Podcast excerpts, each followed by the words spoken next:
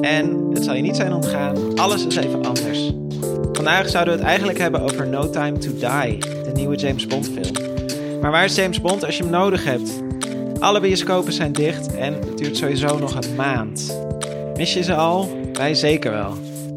In de tussentijd hebben we iets nieuws gelanceerd om je filmhonger te stillen. Vitamine Cinefiel. Als pashouder kun je online toch nog een aantal echte Cinefiel films kijken. Zijn er nu een stuk of 30 en er komen er steeds nieuwe bij.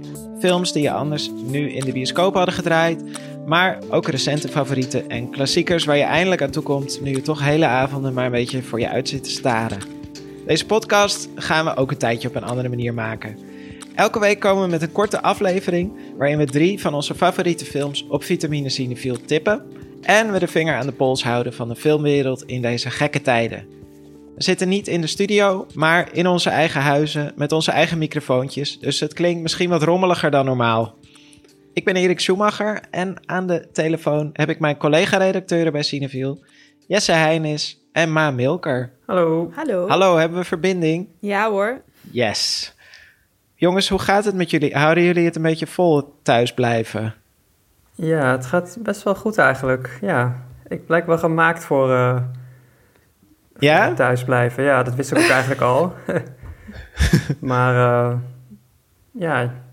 Er verandert eigenlijk niet zoveel in jouw leven? Er is wel veel veranderd, maar oh. ik kan me voorstellen dat andere mensen misschien sneller zullen denken... mijn god, wanneer begint het gewone leven meer? En los van het feit dat ik natuurlijk hoop dat dit liever morgen of uh, liever ja, vandaag dan morgen is opgelost. Ja, houdt het nog wel even vol. Uh, ja, ik vind het niet zo erg een beetje thuis op de bank te hangen. Ik lees eindelijk wat meer boeken. Ik kan eindelijk die ene serie afkijken die ik al heel lang op mijn wishlist had staan. Uh, ja, ja, lekker. Het gaat eigenlijk best oké. Okay. Maar ga je ook lekker? Ja, ik ga op zich ook lekker. Komt deels ook omdat ik een tuin heb, waardoor ik uh, me iets minder opgesloten voel. Maar ja, ik weet niet. Ik probeer wel echt uh, zo min mogelijk op straat te komen. En koop daardoor dan ook voor iets langere tijd uh, in. Niet, niet echt hamster hoor, niet echt hamster. gewoon gewoon uh, hè, dat ik wel er een beetje op probeer te letten. Ik heb zelf dat, dat er best wel veel dingen gewoon door zijn blijven gaan. Dus ik heb niet per se heel veel meer tijd om te lezen of dat soort dingen. Maar ik heb wel veel meer tijd om echt te investeren in een heel erg strak regime qua opstaan. En oh, ja. weet je wel, echt dat ik mijn, mijn dag echt heel erg consequent in kan delen. Oh, wat knap. Daar waar ik hiervoor dan, weet je, de ene keer tot best wel laat opleef. En dan weer, snap je, nu, nu kan ik echt, sta ik ook echt om zeven uur op. Wat voor mij echt extreem vroeg is. Ik weet dat er heel veel mensen zijn die dat iedere dag doen. Maar voor mij is dat echt absurd. Dus, uh, dus ja, dit is ook iets wat je gaat meenemen naar, naar de normale wereld. Wie weet. Hou dit vast. Nou, ik vind het knap dat jullie uh, zo uh, rustig blijven. Ik word uh, helemaal gek thuis. Maar goed. Echt? ja. ja, ik, de muren komen steeds dichterbij. Ja. nee, ik, ik, ik weet niet. Ik, maar ik heb het toch wel erg nodig om erop uit te gaan. En ja, ik, ik mis dat wel, ja. Hoe vaak ja. ben je buiten? Nou, ja, ik maak dan elke dag een wandelingetje of zo. Ja. Nee, ik wil heel graag weer dat het allemaal voorbij is. Maar uh, ja, ja. Dit, uh, dit is het even. Gelukkig kunnen we films kijken. Zeker. um, we hebben alle drie uh, een film uitgekozen uit het aanbod van Vitamine Cinefiel. Die we aan iedereen willen tippen. Mm -hmm. maar laten we bij jou beginnen. Wat is jouw tip voor iedereen? mijn tip is Tampopo. Dat is een film uit 1985 uh, van Itami Yuzo. Of Yuzo Itami, hangt er vanaf uh, welke uitspraak je kiest. En um, ja, ik weet niet. Wat voor mij ook heel erg hoort bij binnenzitten is ook goed koken. En daar heb je nu misschien ook wat meer tijd voor dan normaal. Met name misschien voor de stoofachtige gerechten. kan ik ten eerste aanraden. en uh, ja, deze film draait echt helemaal om eten. En het draait ook helemaal om film zelf. Dus het, is, het gaat over een uh, ramenrestaurantje. Wat eigenlijk niet zo goed loopt. En uh, dat komt er deels door dat de kok er eigenlijk niet zoveel van bakt. En zij gaat als het ware in de leer bij twee mensen die haar daarin helpen. Maar ze gaat ook een soort van stiekem bij andere koks probeert ze tips te ontrafelen. En eh, ze wil gewoon een soort van de beste worden daarin. En daarin doet de film heel erg ehm, andere films na. Dus bijvoorbeeld, je hebt zo'n sequentie waarin ze dan echt zo gaat rennen als, als Rocky, weet je wel. Zo van op, op weg naar de grote wedstrijd is zij op weg om de grootste ramenkok te worden. Ik las dat iemand de film beschreef als een ramenbol in zichzelf. Dus dat je, weet je, aan de ene kant gaat het om, om de basis. En zij, haar verhaal is dan de basis. Maar die wordt ook als een soort van met allemaal kruiden en allemaal ingrediënten, wordt het ook verrijkt met allemaal kleinere verhaaltjes. Die ook allemaal draaien om eten. En ook een soort maffia-dingen er nog doorheen. en een soort hele erotische etens dingen waar je allemaal inspiratie uit kan halen op het moment dat je met je partner of partners in uh, lockdown bent. Ja, ze houden zich niet aan de anderhalve meter afstand, hè? Dat is... Uh... Nee, nee, zeker niet. nee, nee. Dus het is echt alleen voor de mensen waarmee je toch al in, uh, in quarantaine bent, zeg maar. Als je toch al ziek bent, bij wijze van spreken. Nee, nee, maar het... Um, ja, het ja, het is gewoon echt een hele indrukwekkende film. Maar ik kan wel aanraden om wel iets te eten in huis te hebben als je hem gaat kijken. Want anders dan wordt het echt nog een zware avond. ja. er zit heel veel lekker eten in. Ja, zeker. En Ken Watanabe, die je misschien kent uit van die films als The Last Samurai en uh, Memoirs of a Geisha, maar ook van Inception. Die heeft daarin een van zijn eerste rollen. Dus dat is ook altijd heel leuk om dat soort acteurs in hun beginnende fase terug te zien.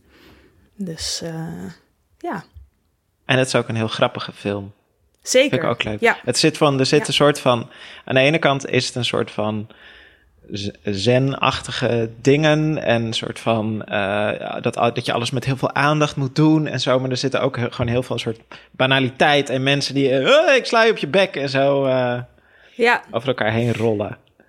Ja, de film wordt ook beschreven, of uh, het opent ook met het woord shiroto. En dat betekent amateur in het Japans. Dus zowel amateur als in iemand die niet professioneel is in wat hij doet, maar ook heel erg als in liefhebber. Dus daar wordt ook heel erg mee gespeeld. Weet je, dat je aan de ene kant uh, ja, ergens heel erg verfijnd mee om kan gaan. En dat zit ook heel erg in Japanse keukens. Weet je, dat er duizend verschillende soorten zout bijvoorbeeld ook in die documentaire reeks Salt, Fat, Acid and Heat van uh, Sami Nosrat.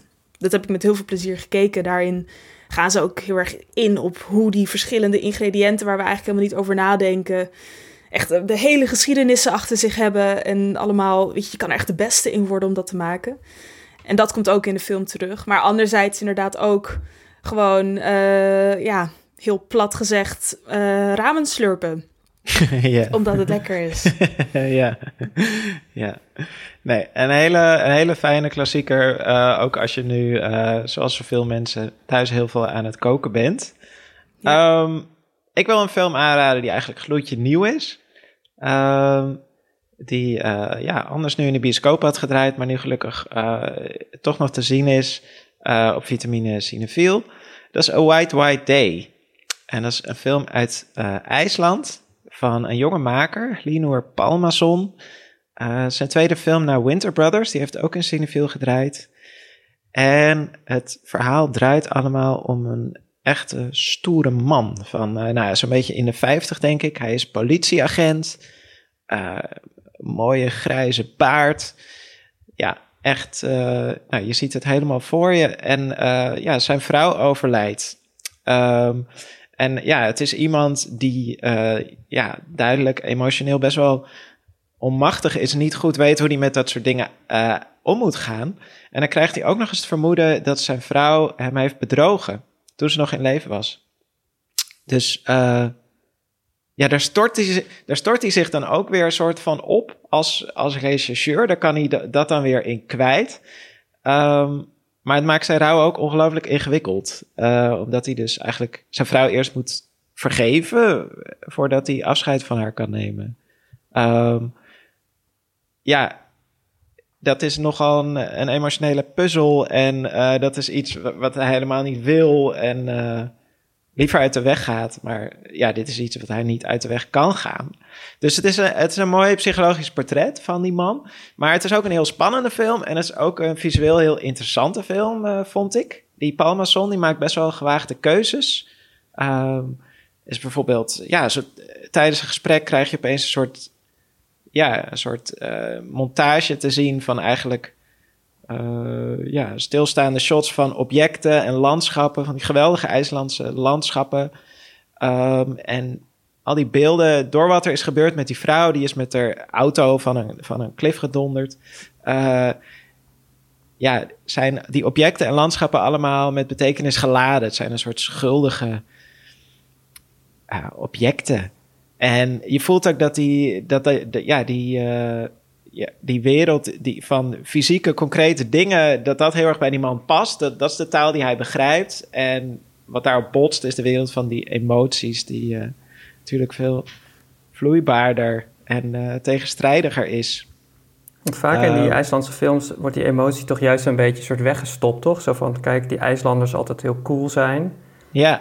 Ik herinner me die film Rams, waarin ook die twee broers dan ruzie hebben om een, uh, ja, om een ram. Maar die uiten dat helemaal niet of zo. Dus ik vond het wel opvallend om te horen van jou dat, dat hij dan zo, juist zo emotioneel is. Ja, nou, het zit bij hem dus uh, tijdens die film eerst heel erg aan de binnenkant. Ja, super knap gespeeld. Want het is gespeeld door Ingvar Sigurdsson. En dat uh, is schijnbaar een enorm gelouterd acteerkanon in IJsland. Ja, ik kende hem niet. Dus dat is, dat, is, dat is ook fijn. Het is dus een super goede acteur. Maar hij is ook helemaal dat personage voor mij. Want ik ken hem niet in een andere rol. Um, ja, hij blijft heel lang kalm. En echt zo'n typische IJslander. Um, en op een gegeven moment ontploft hij. En dat geloof je ook helemaal. Dus dat zat er allemaal al in. Dat heeft hij allemaal al opgebouwd achter die ogen. En ik vond het ook sterk dat het niet een personage is uh, dat je uitnodigt om sympathie voor hem te hebben. Uh, het is geen, geen zielig slachtoffer of zo. Het is iemand die nog steeds zelf verantwoordelijk is. En ja, zelf zijn keuzes maakt en dingen op een bepaalde manier doet. Terwijl hij het ook anders had kunnen doen. Niemand dwingt hem daartoe. Dus dat vond ik uh, ja, supergoed. En er zat ook één scène in die mij soort van in deze tijd. Hebben jullie dat ook? Dat, dat, je, dat je soort van in allerlei films opeens allerlei soort van dingen terugziet uit onze situatie nu of zo. ik had dat heel erg bij deze. Want hij, deze man, die politieagent, die moet dan um, met een therapeut praten. Daar heeft hij ook geen zin in. Um, maar dan uh, is hij, nou, op een gegeven moment zijn de wegen dichtgesneeuwd. Nou, dat is in IJsland uh, niet zo bijzonder, geloof ik. Maar dan moeten ze dus gaan videobellen. En dan, gaat hij, dan begint hij al die, uh, uh, die, die politieman, die gaat echt op twee meter afstand van die computer zitten. En dan een beetje schreeuwen naar, naar zijn computer. en ze, ze verstaan elkaar helemaal niet. Wat je natuurlijk ook hebt met, uh, met zoomen, heeft ook niet iedereen zin in. En op een gegeven moment wordt hij gewoon woedend en vliegt hij zijn, vliegt hij zijn computer aan. En smijt hij die computer tegen de muur. Dus ik ja. vond het ook alweer een herkenbare Zoom-ervaring opeens. ja, het ja, het is wel raar hoe films dan inderdaad. Misschien nu juist de meest epische films of zo. Ik had bijvoorbeeld gisteren of eergisteren had ik de film Edge of Tomorrow gekeken. Dat is een uh, film met Tom Cruise waarin hij heel vaak uh, als een soort ground Hot Day, hoe heet mm -hmm. die film met? Ja, uh, Dat hij heel vaak hetzelfde beleeft en dan komt hij er een soort van, weet je, dan moet hij een soort code kraken en dan winnen ze de oorlog als het ware. En dat hele repetitieve, dat je telkens weer opstaat en denkt van, oh, we zitten in deze situatie. Dat is wel echt iets wat ik nu iedere ochtend heb, omdat het zo radicaal is wat we nu meemaken. Um, dat ik echt iedere ochtend eventjes mezelf eraan moet herinneren van dit is echt. Ja, en wat je zegt, man, ook dat al die epische films gaan natuurlijk vaak over het einde van de wereld of enorme rampen. En normaal is het zo van, haha, Tom Cruise moet een virus uh, bestrijden of... Uh, ja. En nu denk je van, oh ja, shit, het is gewoon, we zitten nu in zo'n soort van einde der tijden moment of zo. Ik weet het, ja. Ja, wel, uh, ja. ja. daar wil ik eigenlijk met jullie even een rondje in maken. met geluidsfragmenten van films die ons doen denken aan deze tijd. eh, over mensen die bijvoorbeeld opgesloten zitten. Ehm, wat we daar. eh, waar, waar we dan aan moeten denken. Eh, Jesse, aan welke film moest jij denken? Eh, ja, ik ben misschien iets te optimistisch eh, geweest in mijn keuze, maar ik heb gekozen voor Paddington 2. Eh, Ja, dat- ja. Wat sowieso echt supergoeie films zijn, ook als je niet eh, tien bent. Het, is- het, ja, het zijn hele warme... Over het beertje. Paddington, het beertje, ja, dat uit Peru dat naar Londen verhuist en daar eh, kennis maakt eh, met de grote stad. En eh, ja, die grote stad die kan nog wel eens een beetje boos en een beetje chagrijnig zijn, maar Paddington is altijd vriendelijk, ziet altijd het beste in de mens. Ja, het is gewoon super schattig en super mooi gemaakte films. En in deel 2 van Paddington, uit 2017 geloof ik, belandt hij op een gegeven moment in de gevangenis. Helemaal niet zijn schuld natuurlijk, hij was weer een beetje naïef, waardoor hij eh, in de gevangenis belandt. En in plaats van dat hij daar wegkwijnt, eh, maakt hij daar het leven juist mooier. Hij, eh, hij maakt vrienden, hij, hij maakt marmelade die hij geeft aan de, aan de andere boeven, die daar ook weer heel vrolijk van worden. Hij wast een rood sokje mee in de witte was, waardoor iedereen opeens een roze outfit aan heeft. Ja, het is super lief. En het fragment dat ik heb uitgekozen ehm, is hij met zijn familie aan het bellen, weet je wel, in zo'n eh, ja, zo'n belcel in de gevangenis. Dat aan de ene kant zit zijn, zit zijn familie, zijn de mensen die hem hebben geadopteerd. Aan de andere kant zit Paddington en op een gegeven moment komt daar een van zijn boevenvrienden bij staan.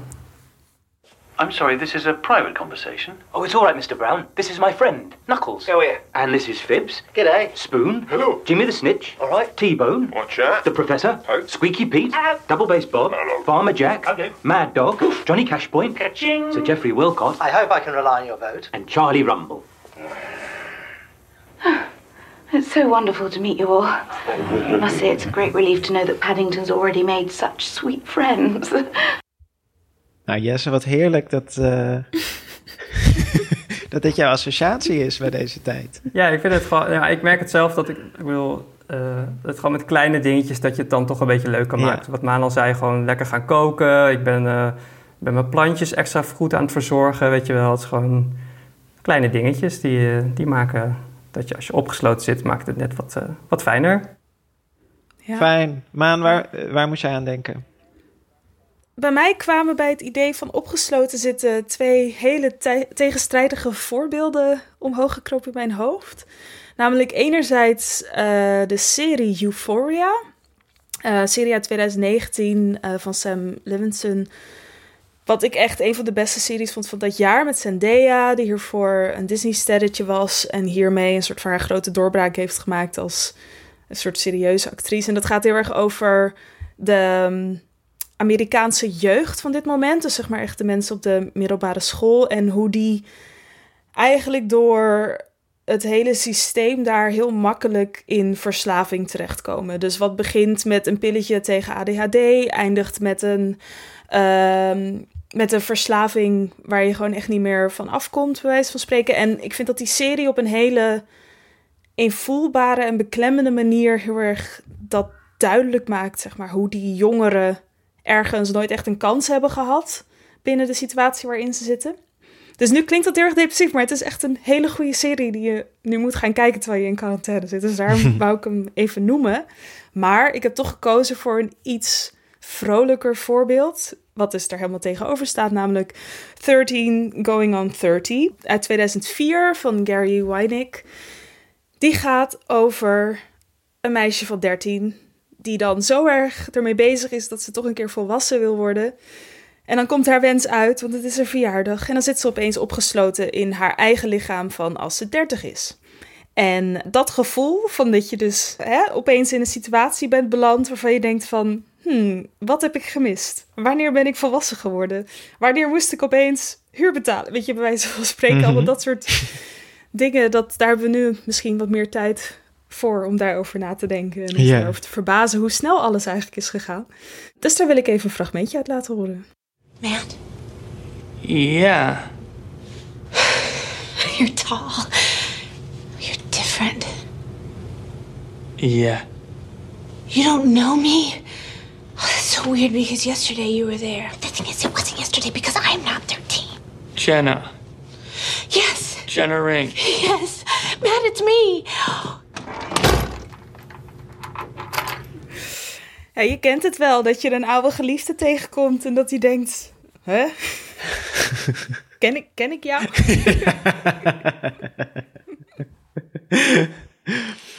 Oké, nou, ik had een, eh, ik, eh, ik had een film waar ik aan moest denken. Eh, een recent film uit 2018, The Night Eats the World. En dat is een zombiefilm, maar een heel aparte zombiefilm. En eigenlijk moet ik de hele tijd al aan die film denken. Eh, want die film gaat. Het is, een, eh, Frans film, maar het heeft een hele mooie internationale cast. Met eh, Anders, Danielsen Lee, Golshifteh Farahani en Deni- Denis. Denis Lavant eh, uit Holy Motors natuurlijk. Denis Lavant speelt een geweldige zombie. Ehm, dat is al een reden om deze film te kijken. Maar waar het vooral over gaat, is een jongen die opgesloten zit eh, ergens bovenin een flat. Terwijl de zombie-apocalypse eigenlijk al een beetje ja, eh, totaal heeft toegeslagen. En iedereen in Parijs is een zombie. Maar hij zit daar en moet daar een beetje overleven. En hij heeft natuurlijk allerlei praktische kanten. Hij moet eh, aan, aan eten komen, maar hij zit er ook wel weer vrij veilig. Alleen zit hij daar gewoon heel eenzaam. Dus eigenlijk, het gaat zoals alle zombiefilms over overleven, maar bij hem gaat het om, ehm, ja, eigenlijk gewoon zijn, zijn psychische gezondheid. Die moet hij een beetje in stand houden. Hij is muzikant. Hij mist ook muziek maken heel erg. Ehm, en dan gaat hij op allerlei potjes en pannetjes, eh, gaat hij composities eh, maken. Dus daar heb ik een stukje van.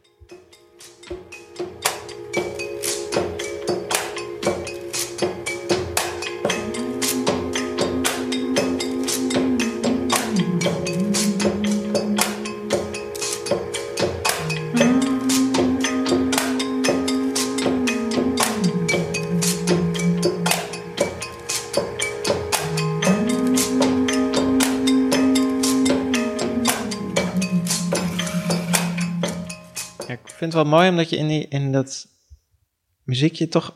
Je hoort iets van...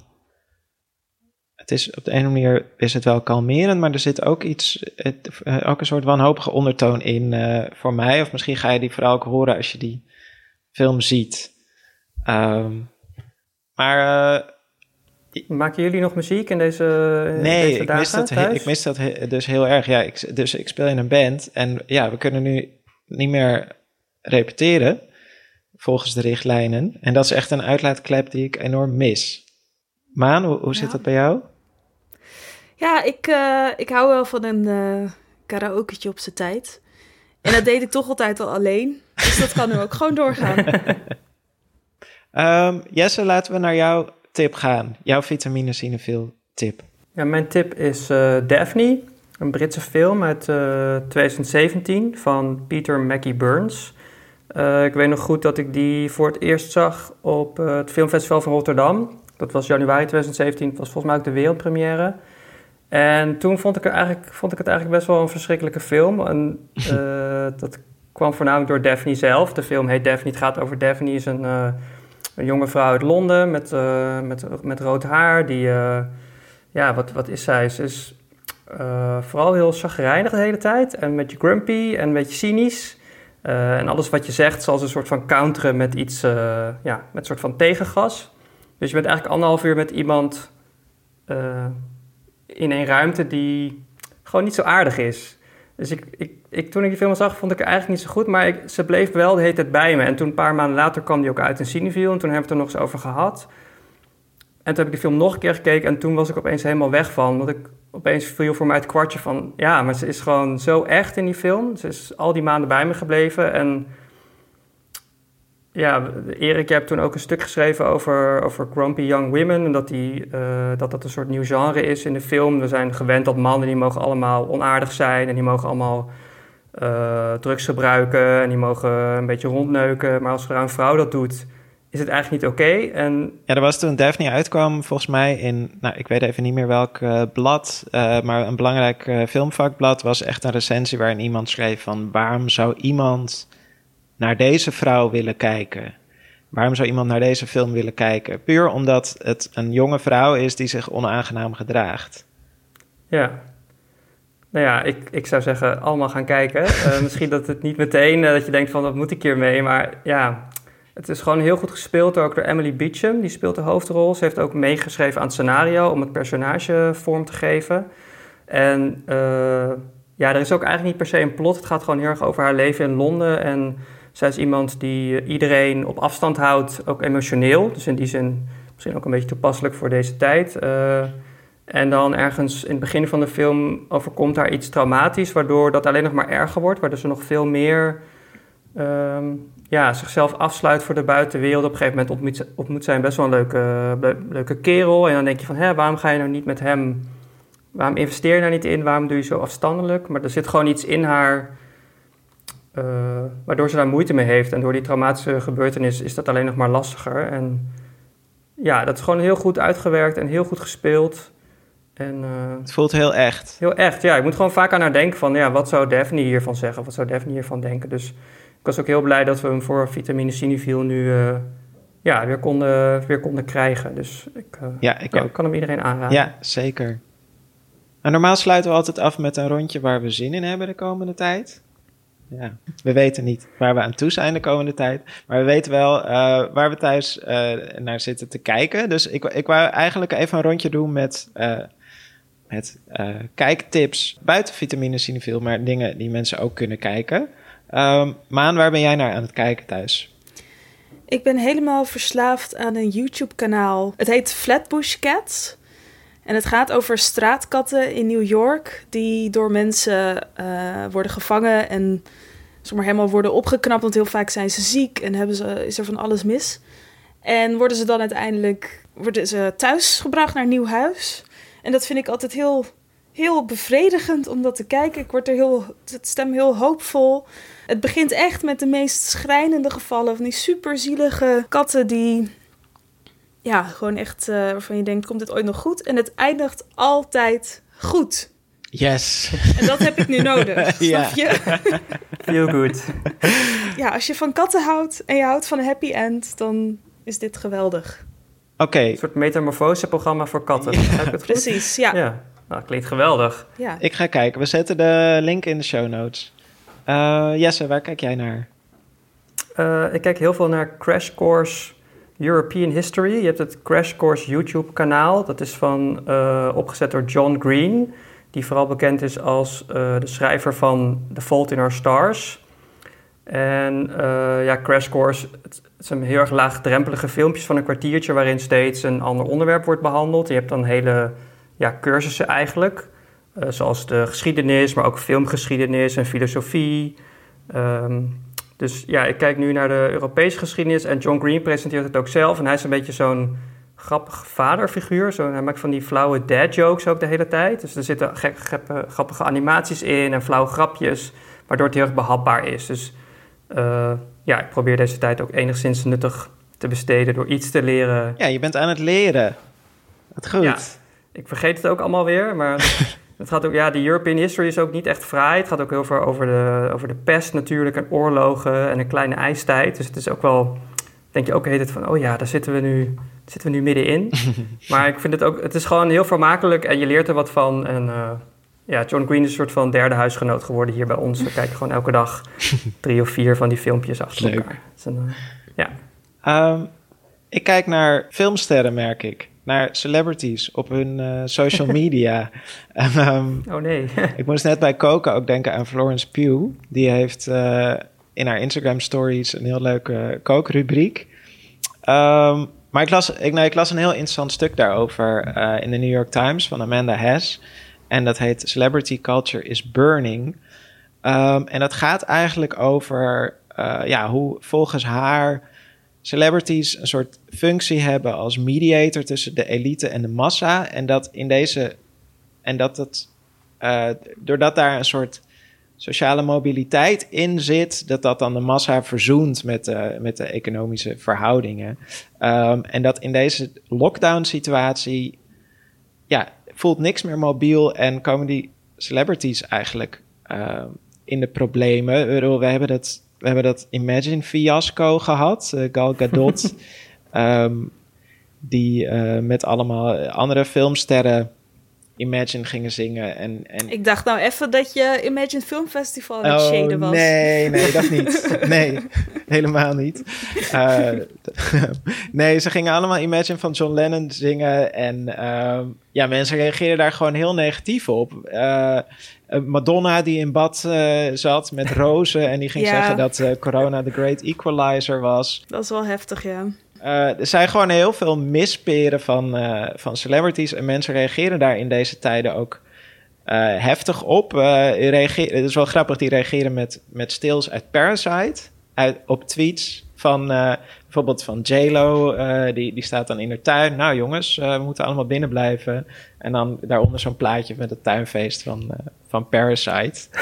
Ehm, ja, ik vind dat wel. In, ik, ik, ik vond dat een interessant stuk, want er zit wel wat herkenbaars in. Dat dat, dat soort van nu heel ongemakkelijk voelt.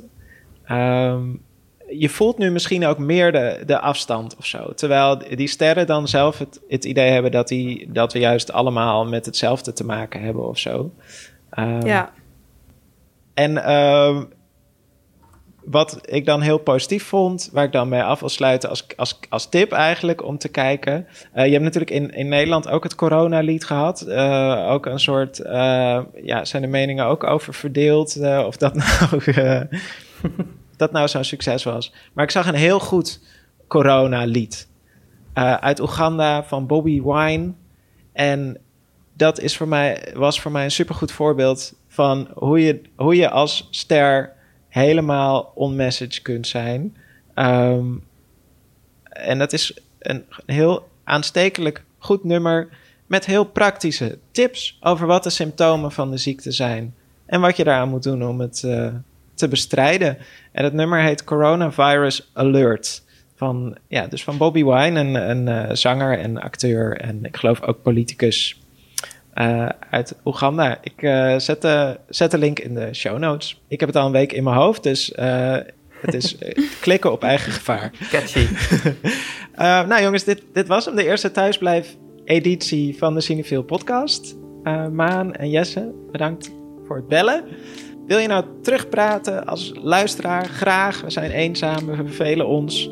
Je kunt ons altijd mailen op uh, podcast.cinefiel.nl en je kunt ons tweeten op cinefielpod. En we zijn er volgende week weer. Tot dan. Doei. Doei.